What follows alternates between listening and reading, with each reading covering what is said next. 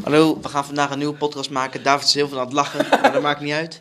Eh, het is een van de laatste podcasts waarschijnlijk, omdat wij... eh, ja, het schooljaar zit er bijna op. Ja. Dus we gaan, eh, we gaan deze versneld er doorheen knallen, zeggen we maar. Het gaat over leerdoel 6.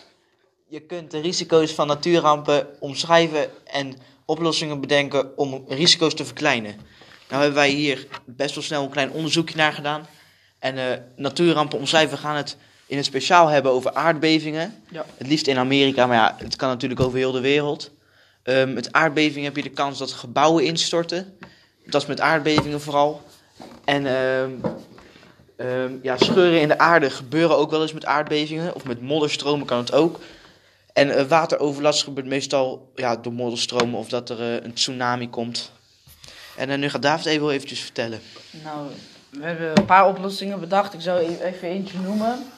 Wat je kan doen, je kan zeg maar, waar vaak eh, aardbevingen komen, kan je de bevolking zeg maar een beetje, beetje weghalen, zeg maar.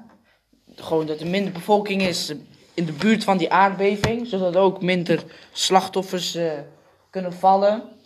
En ook vaak in Amerika zijn huizen niet zo goed, eh, goed gemaakt, Ze zeg zijn maar. vaak van hout. Ja, Ja. dus ze kunnen ook zeg maar, de huizen gewoon even iets sterker maken. Dus van steen en goed sterk fundament onder de grond.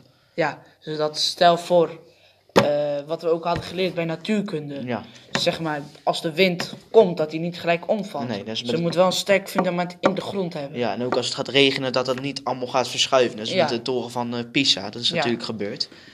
Ehm, alleen over aardbevingen denk ik is te kort, dus we gaan het ook nog even over eh, tsunamis. Ja. Dat gebeurt vaak in Japan en ja, eigenlijk Hawaii op een beetje tropische plekken.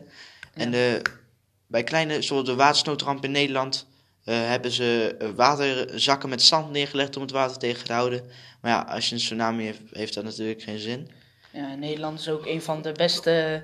Ja, maar bouwers van dijken, Ja, En dijken, dat, dat is zeg maar gewoon zand. En er zitten planten in. En die planten houden het water tegen en het zand vast. ja, dus eigenlijk wat ook andere landen moeten doen, zoals Hawaii, Gewoon, wat je net zei, ja, of Japan. Nederland gewoon- inhuren om... ja, niet per se Nederland, maar Ja, gewoon, want Nederland maakt goede dijken. Ja, En dan gaan die... gewoon dijken die Ja. ze nodig hebben. En dat is ook goed voor de Nederlandse economie. Dus eigenlijk is het gewoon een win-win situatie. Dat klopt. Hawaii minder eh, wateroverlast en Nederland eh, meer geld. Ja, klopt.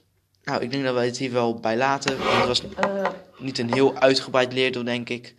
Ja, nee. Dus Nee. Bedankt voor het luisteren. Wat, wat u vindt, meneer. Ja, bedankt voor het luisteren. Ja. En eh, misschien tot volgend jaar.